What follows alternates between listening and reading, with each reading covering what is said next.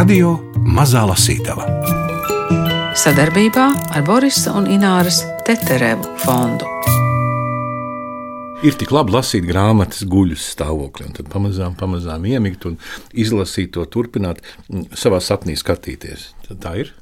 Tā ir. Un tad tu pamosties un it kā lasi tālāk. It kā lasi tālāk, un pasties desmit lapas pusēm, tu esi veikli pārliecis pāri. Tulkotājiem bīstam, tu vari netīšām iztulkot to sapņu daļu, nevis to, ko autors uzrakstījis. Nu, nu, tāpēc mēs tās grāmatas pērkam, cerot atrast šo pērli to sapņu daļu. Ar tulkotāju Daci Meijeri tiekamies pie viņas tulkotās eh, Karlosa Ruisa Safona biezās grāmatas Rēgu labirints.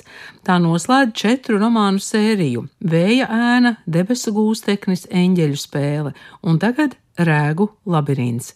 Dacei Meijerī vislabāk paticis pirmais romāns, kuru viņa nav tulkojusi. Bet ar pirmo grāmatu man bija ļoti dīvainas attiecības. Es pirmo reizi mūžā biju Barcelonā. Es mazliet pratu nu, katalāniski un biju sākus mācīties spāņu valodu arī. Tad kādā grāmatnīcā es vecam vīram, kur tagad savās domās, es, protams, ar šīs grāmatas vienu no varoņiem, Sempers kungu asociēju, jautāju, nu, ko es varētu, ar ko es varētu sākt lasīt, ka es gribu lasīt labu romānu. Un tad man ieteica vējēnu, slavenāko šī cikla pirmo romānu.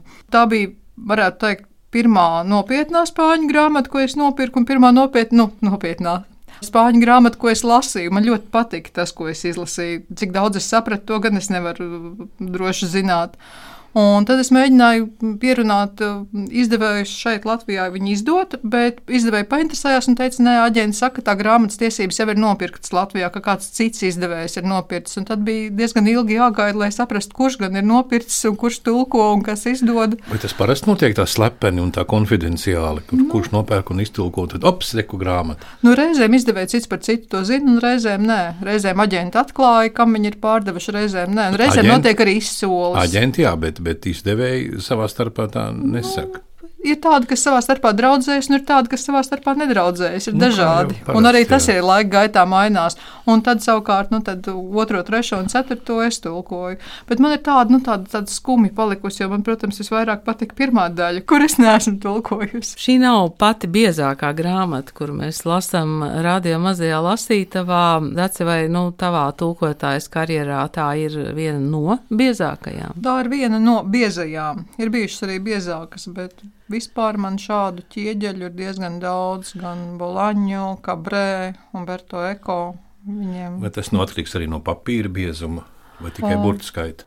Oriģinālā tās grāmatas lielākoties ir biezākas, jo te izdevējs ir centies uz plāna papīriņu nodrukāt, lai lasītājiem būtu vieglāk. Karlos Ruisa Safona. Karlos Ruisa Safons. Viņš ir spānis, jā. Tie ir divi. Tie, Nu, Barcelonā dzimis spānis. Nu, etniski viņš ir spānis, spāņu valodīgais. Mm -hmm. Bet Barcelonas iemītnieks. Un e, šis ir noslēgums četrām romānu grāmatām. Jā, četru romānu ciklam. Vai tu esi tikusies arī ar autoru? Nē, nē, nē, nē esmu. Un viņš arī kopš 90. gadiem pārsvarā dzīvoja Losandželosā. Viņš bija scenārists, arī kino scenārists. Ar ko tā vispār atšķiras no, no tām iepriekšējām? Nu, pirmā tev patīk vislabāk. Nu, katrā, jā, ziņā, ne, katrā ziņā ne ar biezumu. Pabiezas ir viņas visas, bet nu, šī, protams, ir biezākā. Varētu teikt, ka visas četras grāmatas ir mm, par grāmatām, par lasīšanu, par mīlestību uz grāmatām, par apsēstību ar grāmatām. Un, un reizē viņas visas, visas četras ir nu, tāda oda Barcelonai. Visi, kam patīk Barcelona, parasti jūsmo arī par šīm grāmatām.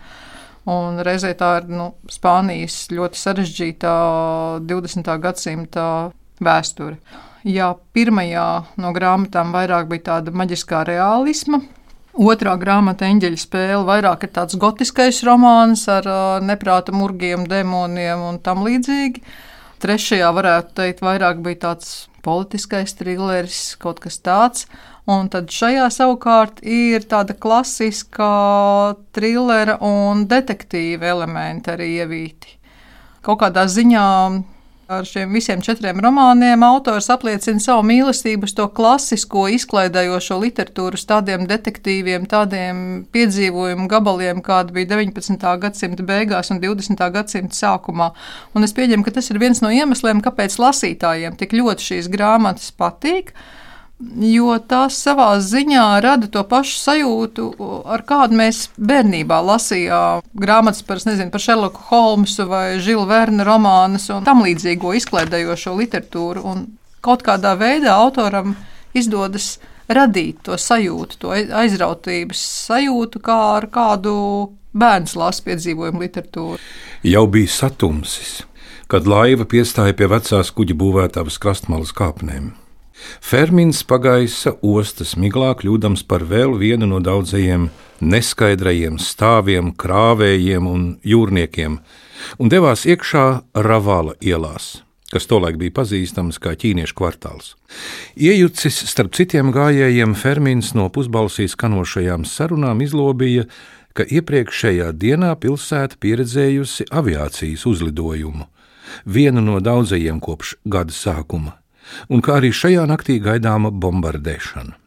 Bailes bija manāmas vīriešu balsīs un skatienos, taču izdzīvojis pēc šīs drausmīgās dienas, Fermins bija cieši pārliecināts, ka nakts viņam nav sagatavojusi vēl ļaunākus pieredzējumus. Dievišķā providence gādāja, lai Fermina ceļā pagadītos saldumu tirgotājs, kurš jau stūma savus konfekšu ratelļus mājās.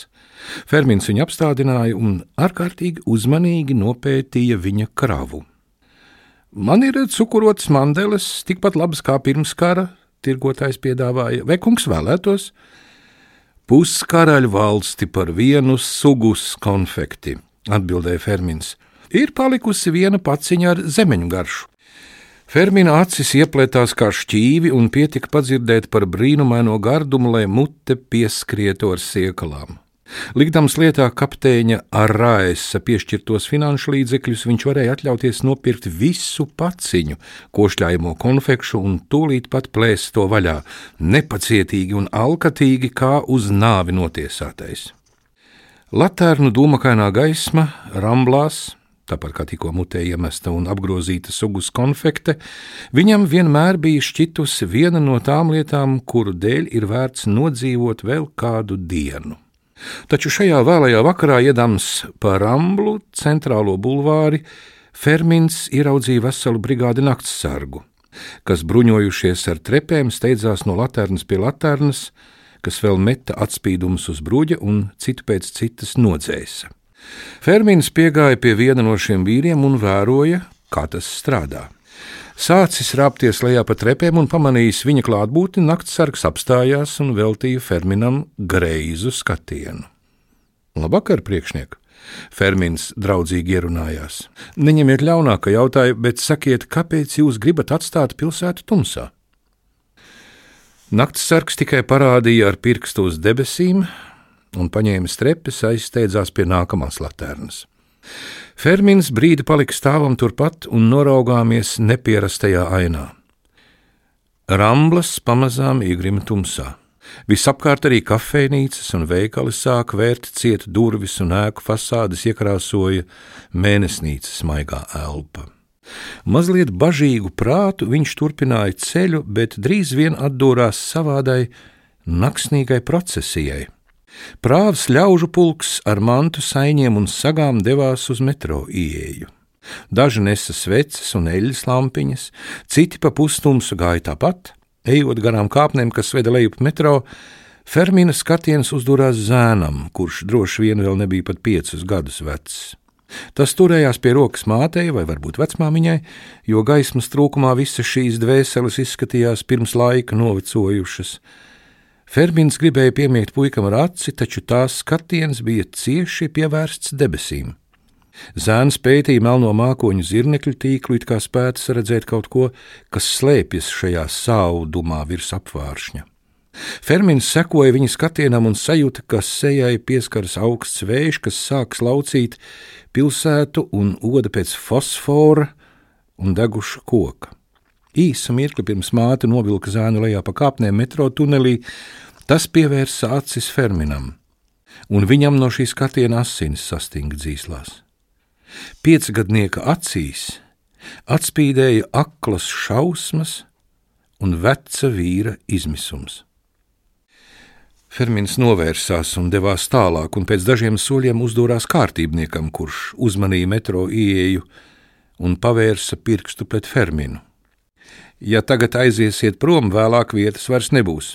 Visas patvērtnes ir pilnas.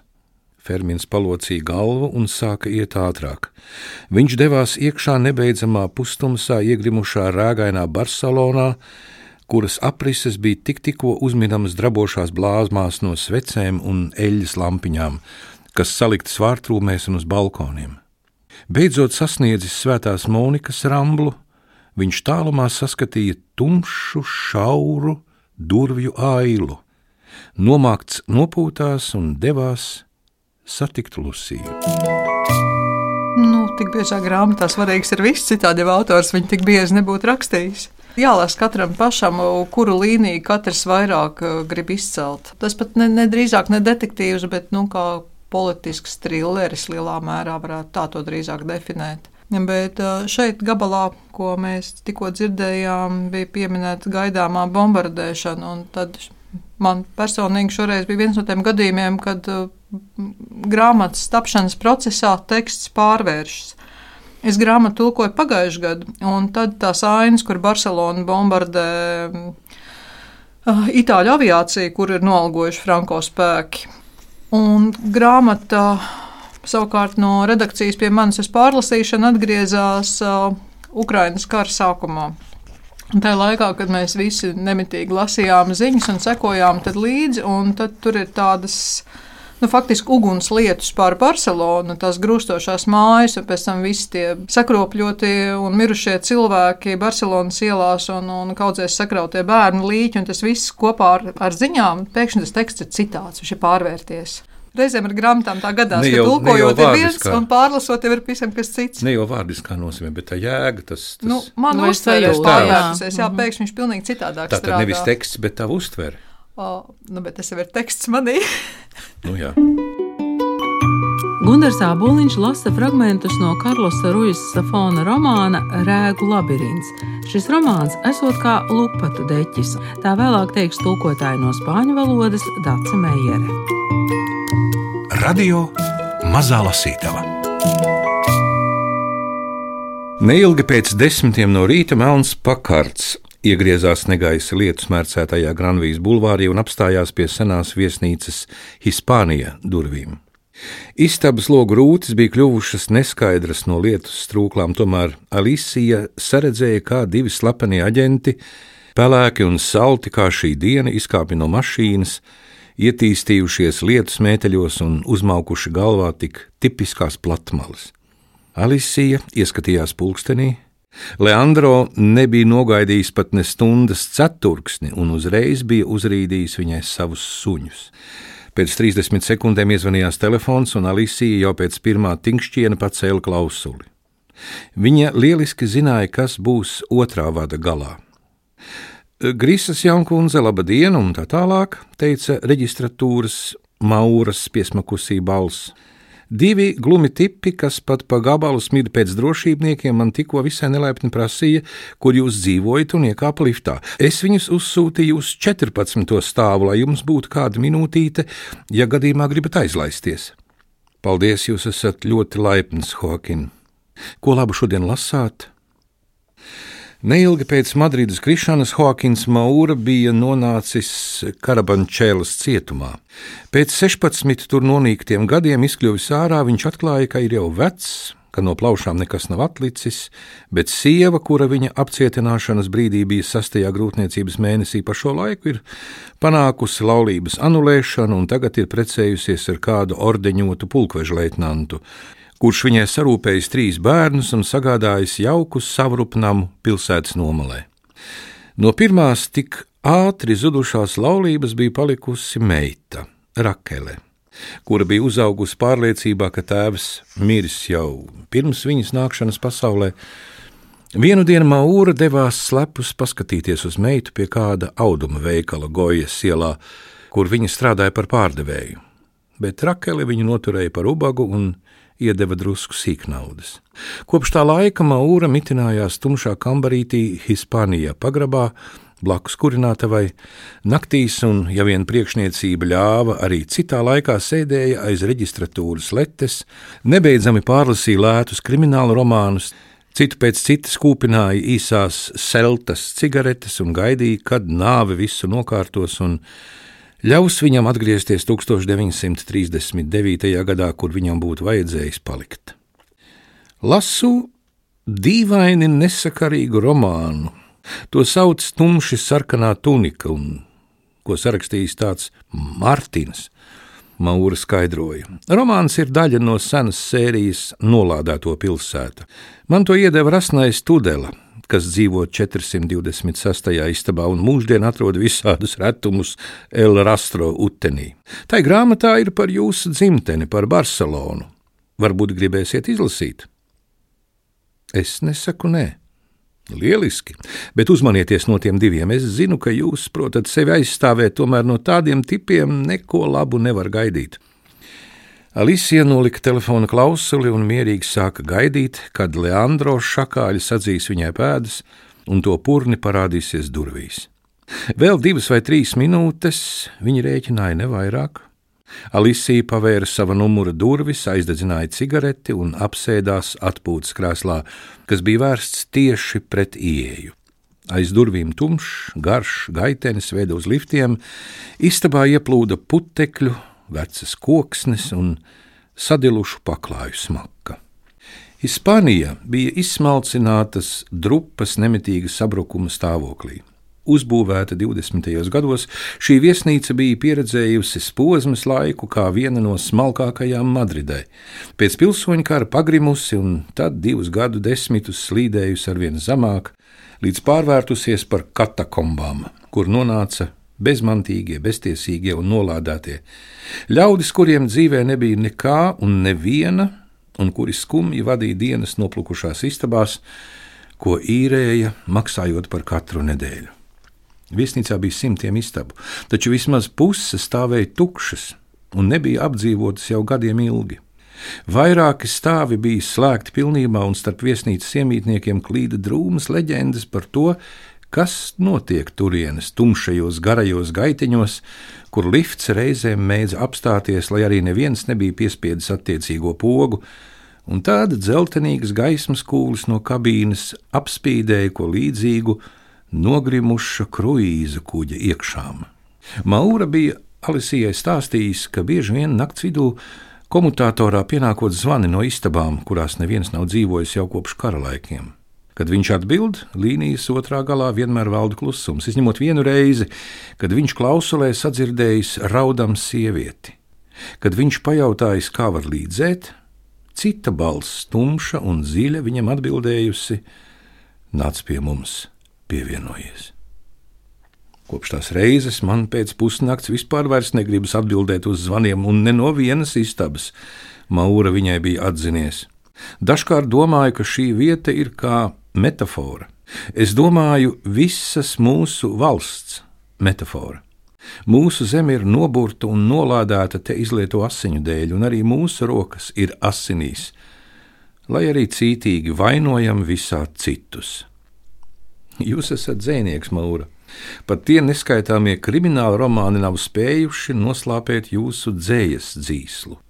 Vairāk par visu Spānijai ir vajadzīgi tādi domātāji kā jūs, kas varētu atdzīvināt agrāko literāro pulciņu tradīciju. Smējieties, smējieties par mani. Viegli smieties, ja algu maksā režīms, Grīsas Jankundze. Un es esmu pārliecināts, ka viņi jums maksā pietiekami daudz, lai tāda dāma kā jūs varētu pārcelties uz labāku vietu un pamest šo drūmo ūķi. Šis nav izsmalcinātai labas izcelsmes jaunkundzei piemērots iestādījums. Te neviens neapmetas, lai dzīvotu. Šeit apmetas, lai nomirtu. Es taču teicu, ka jūs esat dzēnieks. Ejiet nu galīgi! Maura savos filozofiskajos prātojumos nemaz tik daudz nekļūdījās, un ar laiku Hispānija noteiktās aprindās kļuva pazīstama kā pašnāvnieku viesnīca. Pēc dažām desmitgadēm, kad Hispānija jau ilgāku laiku bija stāvējusi slēgta, un visbeidzot ēku noārdīšanas speciālisti apstaigāja to stāvu pa stāvam, lai izvietotu sprākstvielu lādiņus, kam vajadzēja šo veco graustu nojaukt uz visiem laikiem, paklīt baumas, ka viņi vairākās istabās esot atraduši līķus, kas tur jau gadu gadiem mumificējušies, gulējuši gultās un vannās, un starp tiem esot bijis arī vecais nakts portjē. Šī pēdējā bija Madrides nodaļa. À, tā à, šī bija, viesnīca bija Madridē. Šī bija Madridē. Jā. Šī bija. Madridē, jā. Grāmata bija par Barcelonu. bet Jā, es sapratu, jā, jā, jā, es sapratu, sapratu. Tur vēl viens noslēpumains personāžs, kurš tur ir gājis bojā, Kubas eh, tas cukuru karalis. Ā, jā. Ernesto. Bet šeit vispār ir, šeit vispār ir daudz tādu, nu pat ne trešā, bet ceturtā un piektā plāna personāžu, kur pavīd, nu kā mozaīks tādi elementiņi. Un tu lasi, un tu nezini, vai tālākajā sižetā viņiem vēl būs kāda nozīme, vai viņi būs svarīgi arī tālākajam vai nē. Piemēram, tagad nolasīja nodaļu, bet no sižetiski, kas tur notika?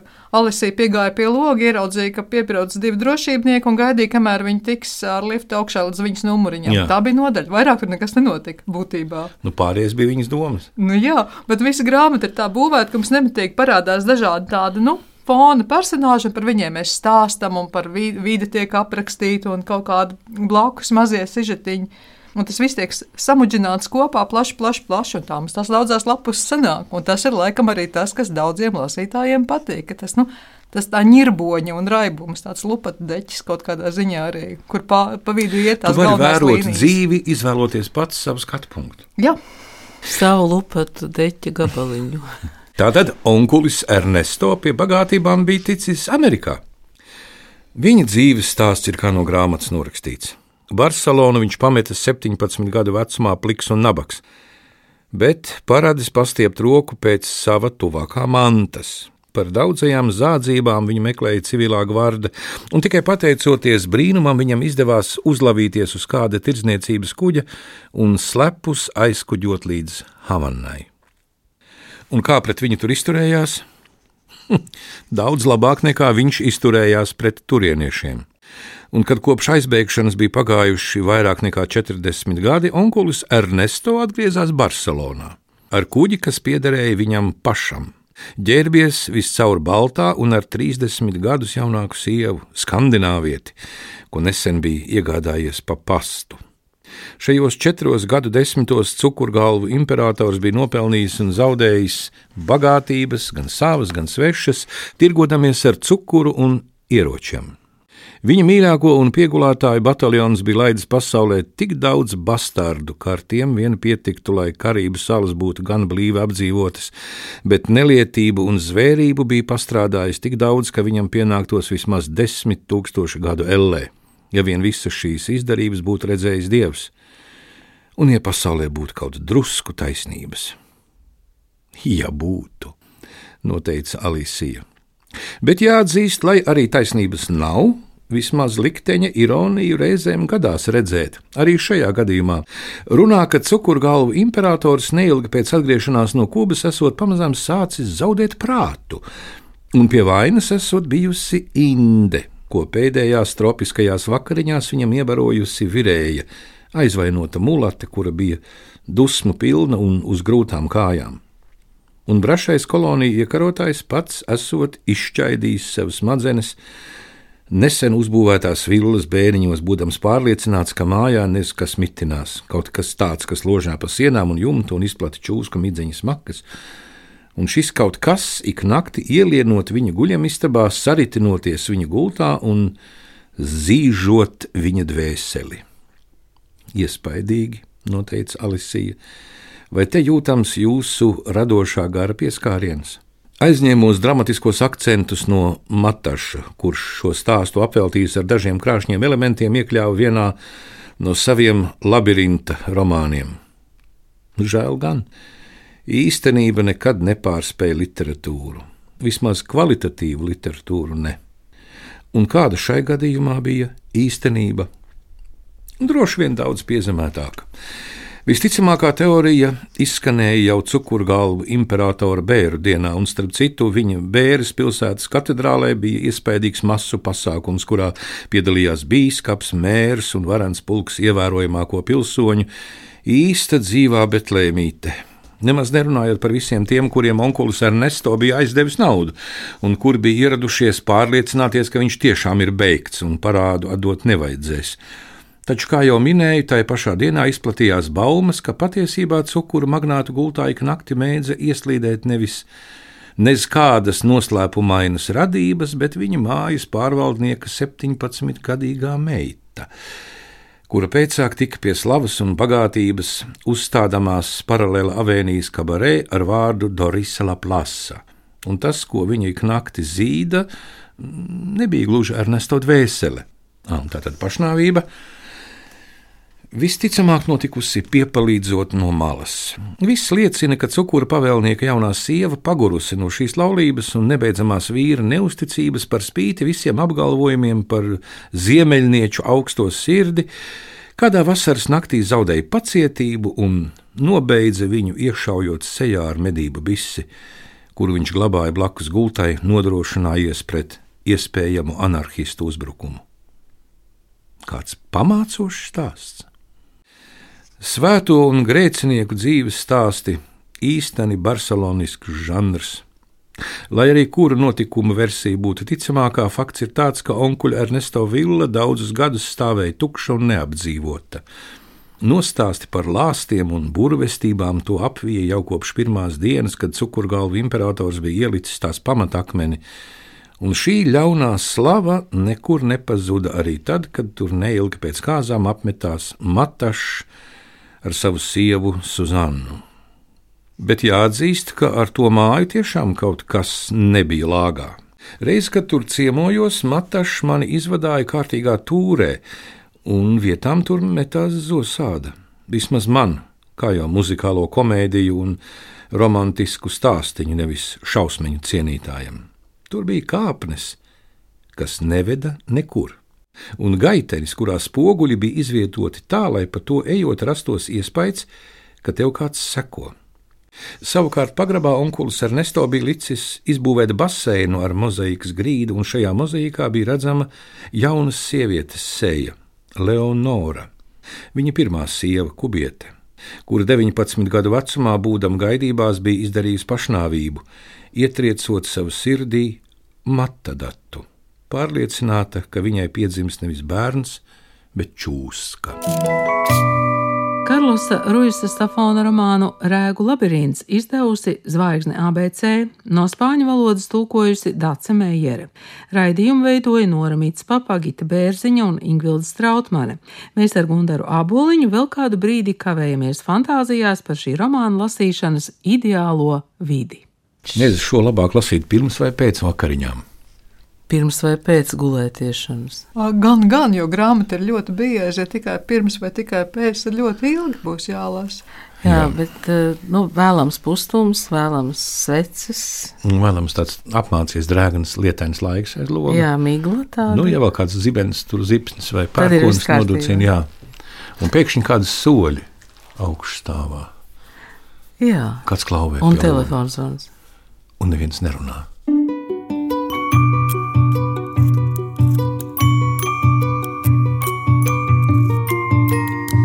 Radio Mazā Lasītava. Sadarbībā ar Borisa un Ināras Teterevu fondu.